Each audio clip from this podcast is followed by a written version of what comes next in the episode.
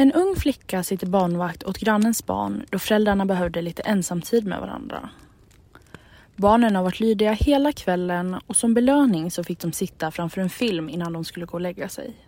Efter att filmen slutat så gick barnen för att förbereda sig inför natten. Och efter att ha nattat barnen så gick barnvakten ner till vardagsrummet igen för att fördriva tiden med sällskap av TVn.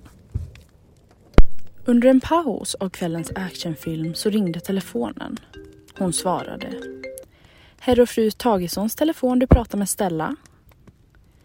I andra änden av telefonen så hörde barnvakten först ett hysteriskt skratt. Men sen hur mannen på andra änden sa. Jag är på övervåningen med barnen. Du borde komma upp.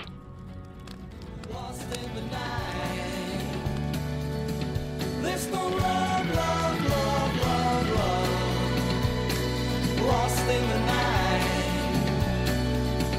Where is love, love, love, love, love to be found? Hej och välkommen till ett nytt avsnitt av Lägerelden. I det här avsnittet så ska vi berätta om Urban Legends. Och jag har inte så mycket mer än så att säga. Så att vi hoppar tillbaka där vi slutade. Med The Babysitter and the Man Upstairs. Berättas av Hilda Malmesjö.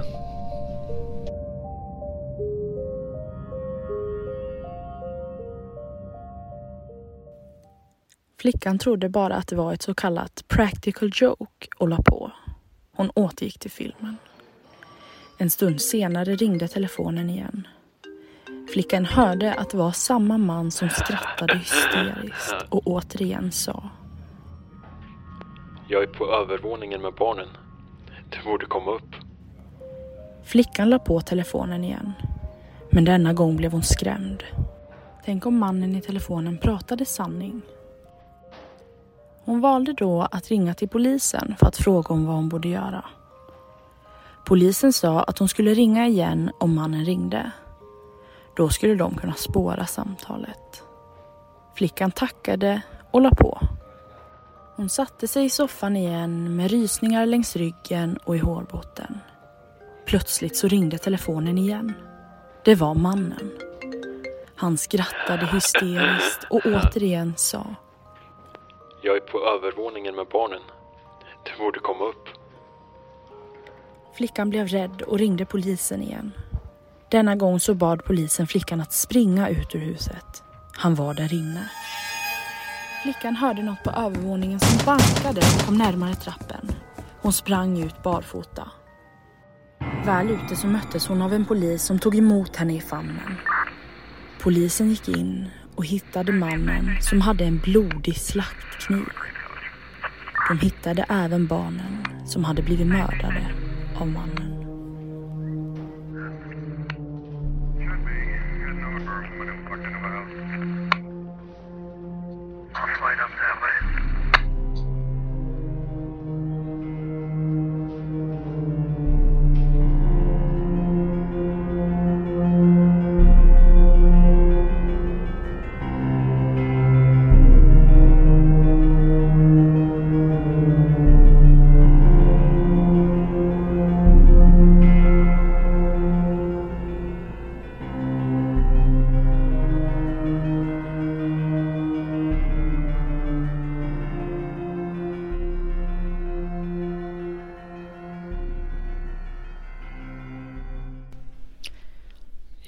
Den här har man hört tidigare. Men en annan som jag bara har hört om det är nästa historia och det här är Killswitch. Det finns ingen riktigt officiell historia så jag har faktiskt skrivit min egna. Och den här berättas av Filip Källström.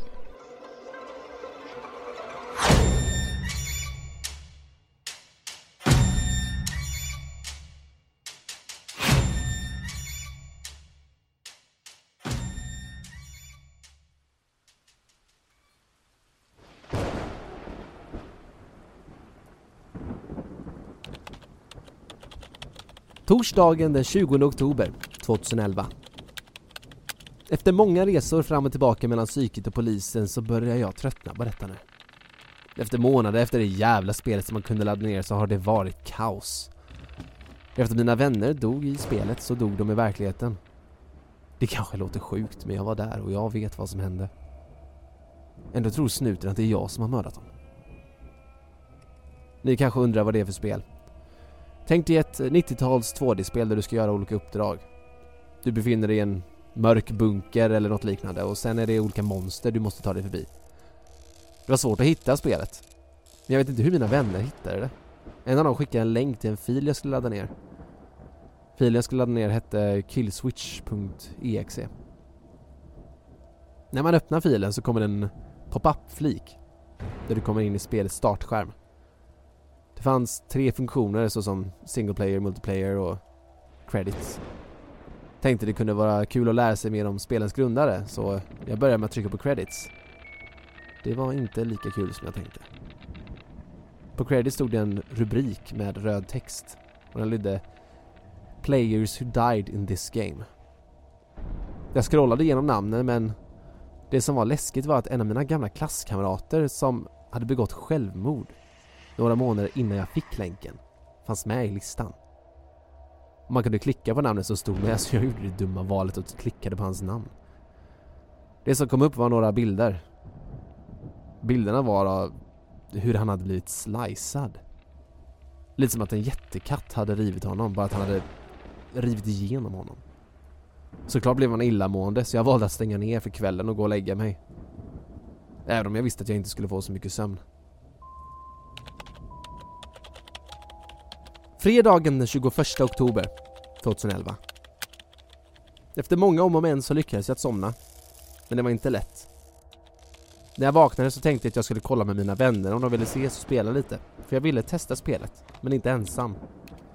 Jag hörde av mig till några och kom överens om att vi skulle testa att spela det samma kväll.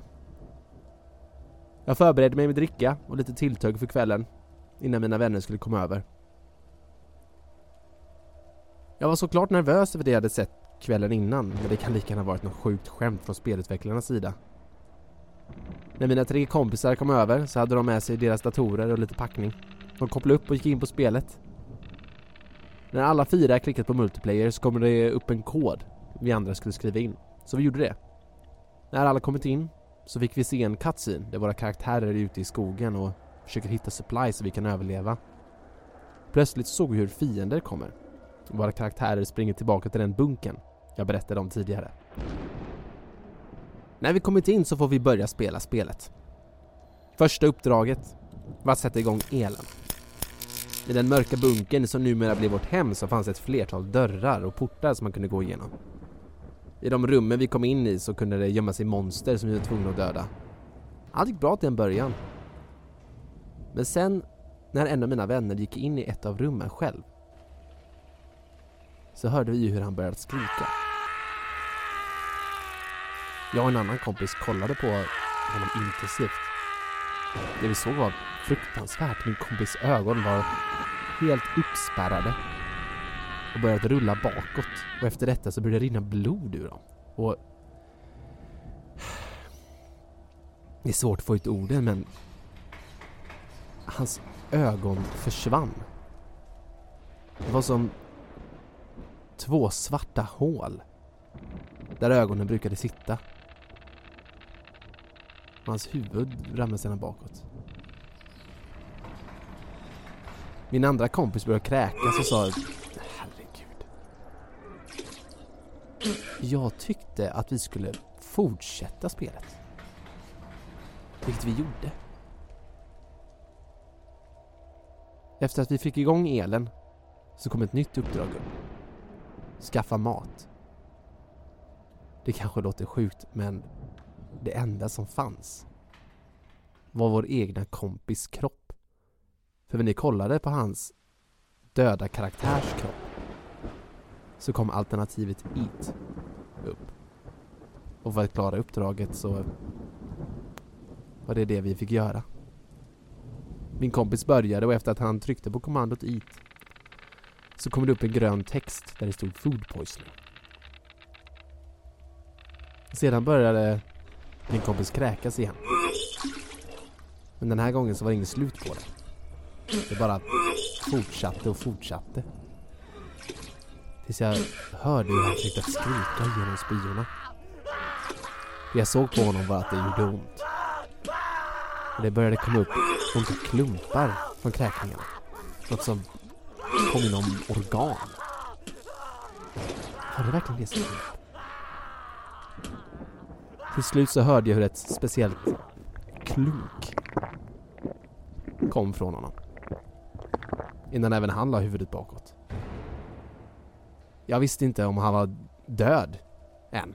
Men jag fick panik och flydde från lägenheten där vi satt och spelade. Och efter det blev det svart. Jag vet inte vart jag tog vägen. Mer än att jag satt naken med en filt omvirad mig och med en massa sjukvårdare och poliser kring mig. Så vad ska man säga om det spelet? Spela aldrig det spelet.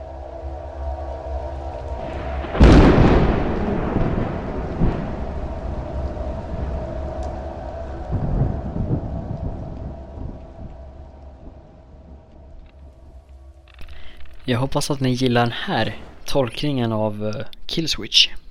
Jag tyckte själv att den vart bra, så det är som jag sa, jag hoppas ni också tycker det. Men nu ska vi gå vidare till en kortare historia.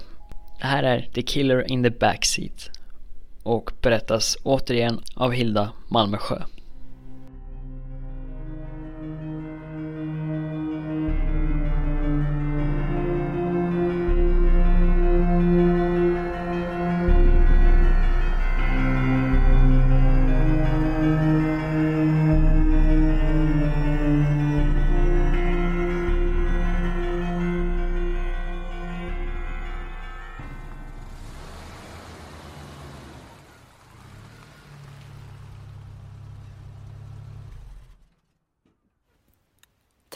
Att du är på väg hem efter en lång dag på jobbet.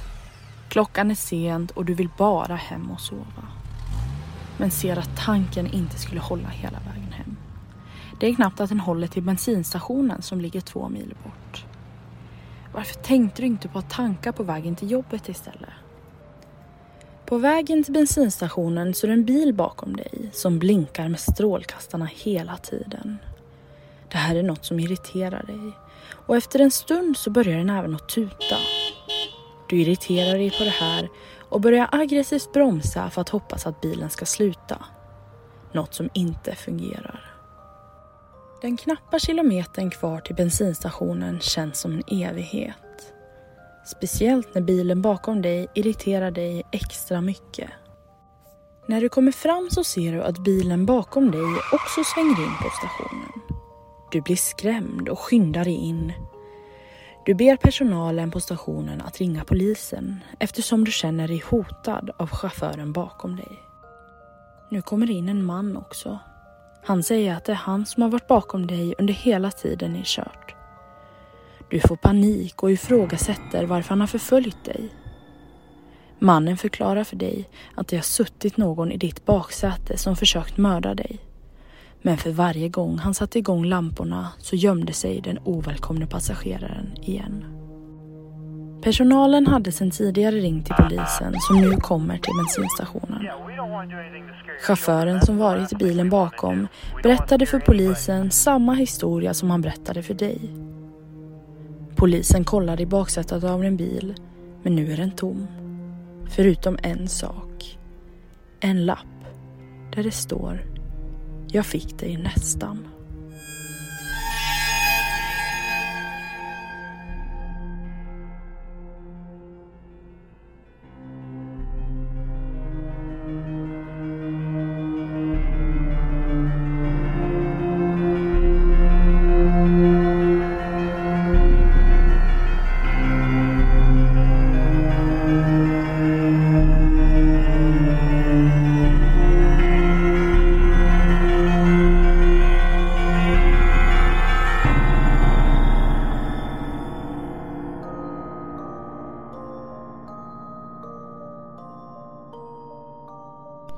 Också en gammal klassiker.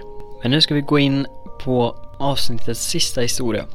Och det här är det ryska sömnexperimentet och berättas av Niklas Löfström.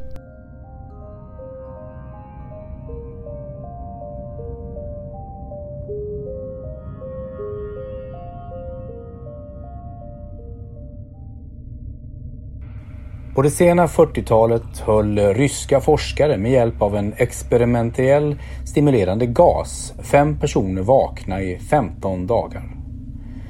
Eftersom gasen var giftig i högre koncentration hölls personerna instängda och isolerade i ett utrymme där deras syrenivå kunde mätas. Detta var innan övervakningskamerornas tid. Så det enda sättet forskarna kunde undersöka vad som hände i utrymmet var genom mikrofoner och ett par decimeter tjocka glasventiler. I deras utrymme hade de fem utrustats med böcker, obäddade tältsängar, rinnande vatten och toaletter samt nog med frystorkad mat för att de skulle kunna överleva i en månad. Försökspersonerna var politiska fångar som under andra världskriget fällts som statens fiender. Allt gick bra de första fem dagarna och fångarna klagade knappt eftersom de hade fått falska löften om friheten om de deltog i testet och lät bli att sova på 30 dagar. Deras konversationer och sysselsättningar övervakades. Det noterades att de pratade allt mer om traumatiska händelser under deras uppväxt och efter fyra dagar blev tonläget mycket mörkare. Efter fem dagar började de klaga över situationen och de händelser som lett dit och började dessutom visa upp tecken på svår paranoia. De slutade prata med varandra och började istället viska med mikrofonerna och mot glasgluggarna. Konstigt nog verkade alla tro att de kunde vinna forskarnas förtroende genom att förråda de kamrater de var infångade tillsammans med. Först trodde forskarna att detta var en effekt av gasen. Efter nio dagar började den första vråla. Han sprang av och an i kammaren och gallskrek allt av full lungkapacitet tills han inte längre kunde utbrista i annat än sporadiska skrik. Forskarna slog fast att han rent fysiskt hade slitit ut sina stämband. Det mest överraskande med detta var att de andra försökspersonerna knappt brydde sig. De fortsatte viska med fönsterrutorna och mikrofonerna ända tills ännu en av dem började skrika. Då började de två som ännu var tysta istället riva sönder böckerna, smörja in sidorna med sin egen avföring och sedan täcka fönstren med dem. Vrålandet slutade tvärt. Tre dagar gick. Forskarna kontrollerade mikrofonerna en gång i timmen för att försäkra sig om att de eh, fungerade. Eftersom det var omöjligt att de fem personerna där inne inte gav ifrån sig några ljud alls. Syrekonsumtionen i kammaren visade på att samtliga levde. De andades till och med så mycket som man bara gör under stora fysiska ansträngningar. På den fjortonde dagens morgon gjorde forskarna något de hade sagt att de skulle låta bli. Nämligen eh, använde sin telekommunikationsutrustning för att kontakta dem inne i kammaren och förhoppningsvis få ett svar från försökspersonerna som de var rädda hade antingen dött eller blivit grönsaker. De ropade ut vi kommer nu öppna kammardörrarna för att kontrollera mikrofonerna. Gå iväg från dörrarna och lägg er ner på golvet eller så skjuter vi. Fullständigt samarbete kommer innebära att en av er befrias omedelbart. Till deras stora förvåning hörde de en ensam röst svara. Vi vill inte längre befrias. Nu bröt en debatt mellan forskarna och representanterna för militären vars pengar hade använts för att bekosta experimentet. Eftersom de inte kunde få några fler reaktioner över telekommunikationssystemet bestämde man sig till slut under den femtonde dagen för att öppna kammaren. De började med att tömma den på gas och fylla den med frisk luft istället. Men då började klagomål höras ur mikrofonerna. Tre olika röster började böna och be som om det var för deras närståendes liv. Om att gasen skulle sättas på igen. Kammaren öppnades och soldaterna sändes in för att hämta försökspersonerna som började vråla högre än någonsin. Soldaterna började också skrika när de såg vad som fanns inuti. Fyra av de fem försökspersonerna levde fortfarande, även om man svårligen kunde kalla det skick de befann sig i för just levande. Ingen hade rört de senaste fem dagarnas matransoner. Av den döde försökspersonens kropp hade stora köttstycken tagits och proppats in i kammarens avlopp. Så decimeterdjup vattensamling täckte golvet. Eller ja, hur mycket av vätskan som var vatten och hur mycket som var blod avgjordes aldrig. Alla fyra överlevande hade fått stora bitar av musklerna och huden bortslitna från kroppen. Skadorna där och de blottade benpiporna på deras fingertoppar indikerade på att skadorna åsamkats med bara händerna och inte bara med tänderna som forskarna först trodde. En närmare undersökning visade på att de flesta, om inte alla, skador var självförvållande.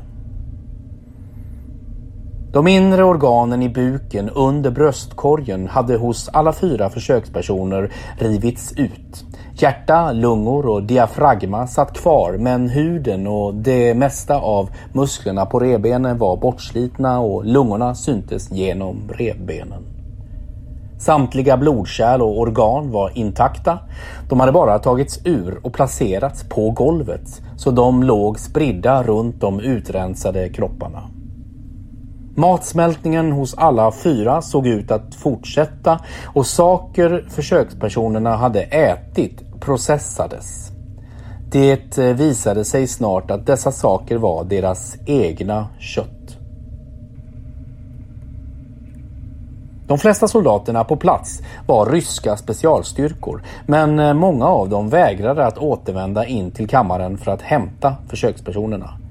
De i sin tur skrek om att bli lämnade i fred och i kammaren och de varierade mellan att tigga om och att kräva att gasen skulle sättas igång igen så att de inte skulle somna. Till allas stora förvåning kämpade försökspersonerna hårt mot att bli hämtade ur kammaren. En av de ryska soldaterna dog efter att hans hals slitits sönder. En annan bars iväg svårt skadad efter att en försöksperson rivit av hans ena testikel och bitit sönder en artär i hans ben.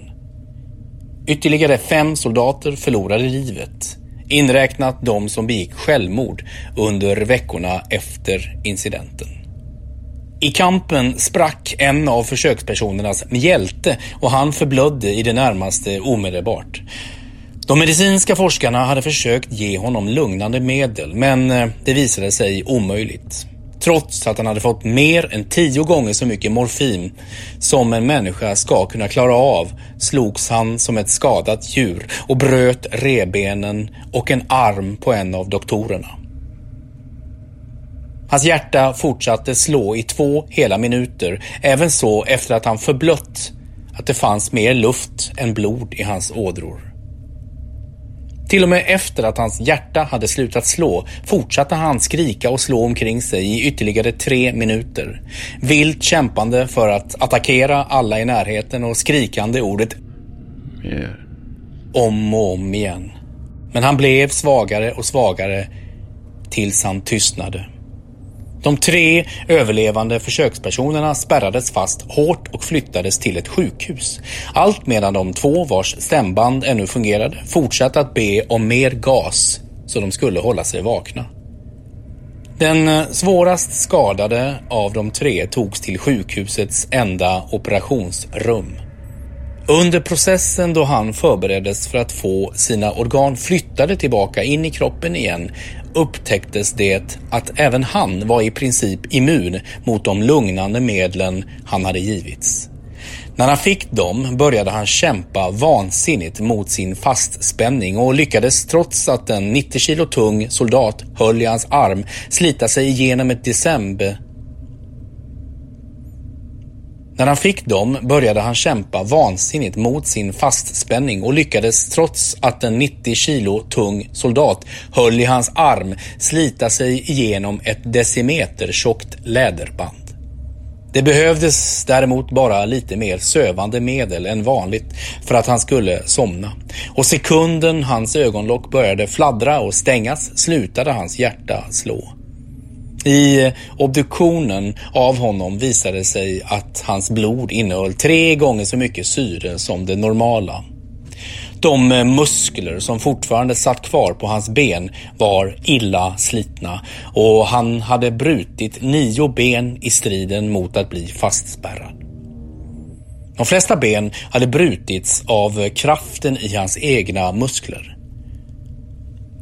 Den andra överlevaren var den första i gruppen att börja skrika och eftersom hans stämband nu var förstörda kunde han varken be om gas eller säga emot att bli opererad. Hans eh, enda reaktioner var att våldsamt skaka på huvudet när någon närmade sig med smärtstillande gas.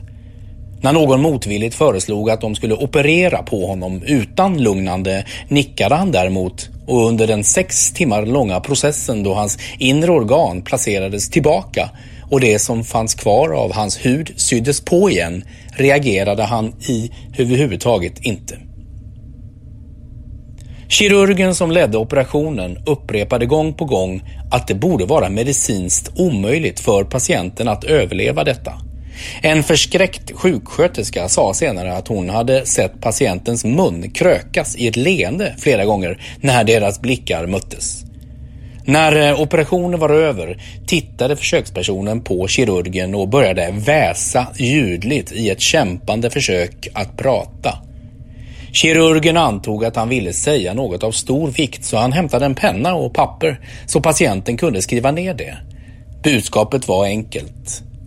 Fortsätt skära. De sista två försökspersonerna genomgick samma operationer, båda utan att ta något smärtstillande. De fick dock ett förlamande ämne injicerat eftersom kirurgerna fann det omöjligt att utföra ingreppen då de skrattade oupphörligen. Efter att ha paralyserats kunde de bara följa kirurgen och forskarna som övervakade processen med ögonen. På eh, onormalt kort tid lämnade det paralyserande ämnet deras system och ögonblicken de började kunna prata igen bad de om mer av gasen från kammaren. Forskarna försökte fråga varför de hade åsamkat sig själva så mycket skada, varför de hade slitit ut sina egna inre organ och varför de ville ha mer av gasen. Det enda svaret de fick var Jag måste förbli vaken.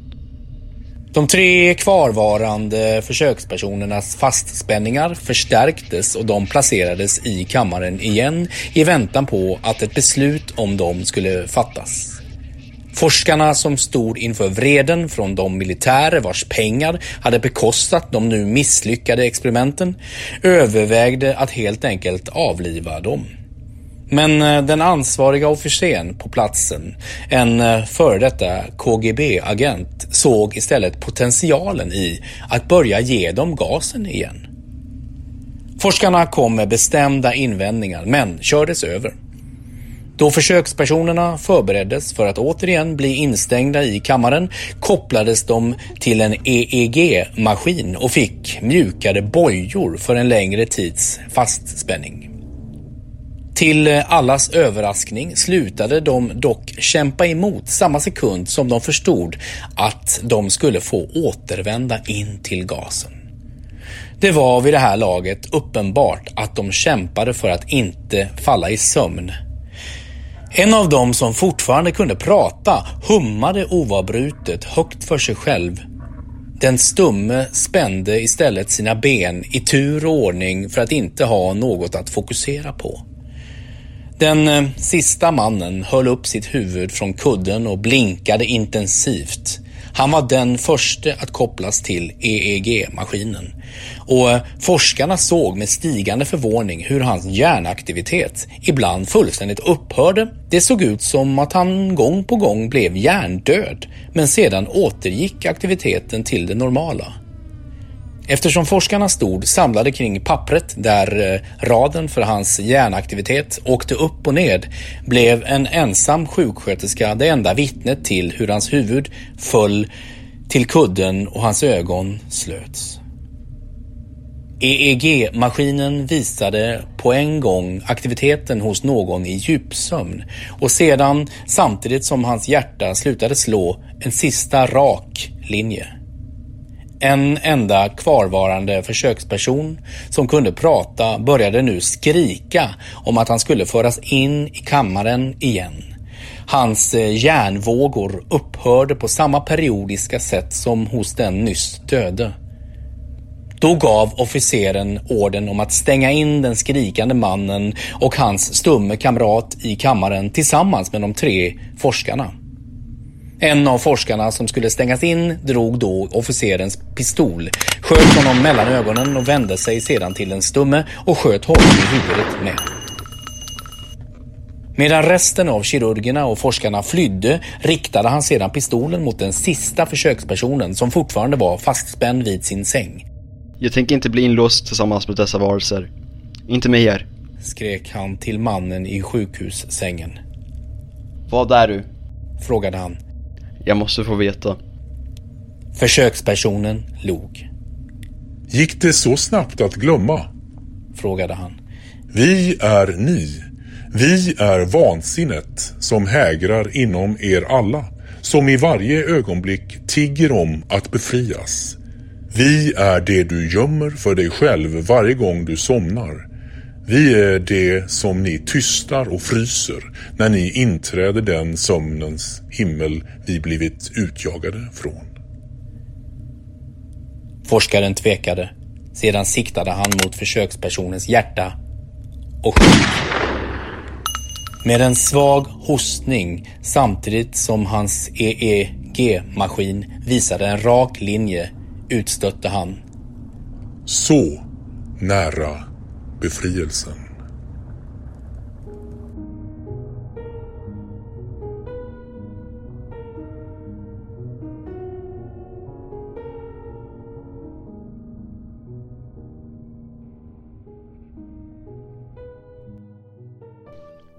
Tack för att ni har lyssnat på det här avsnittet. Vill ni komma i kontakt med mig så når ni mig på rasmusandbry.gmail.com samt att vi har en Facebookgrupp vid namn Lägerelden Eftersnack. Tack för att ni har lyssnat.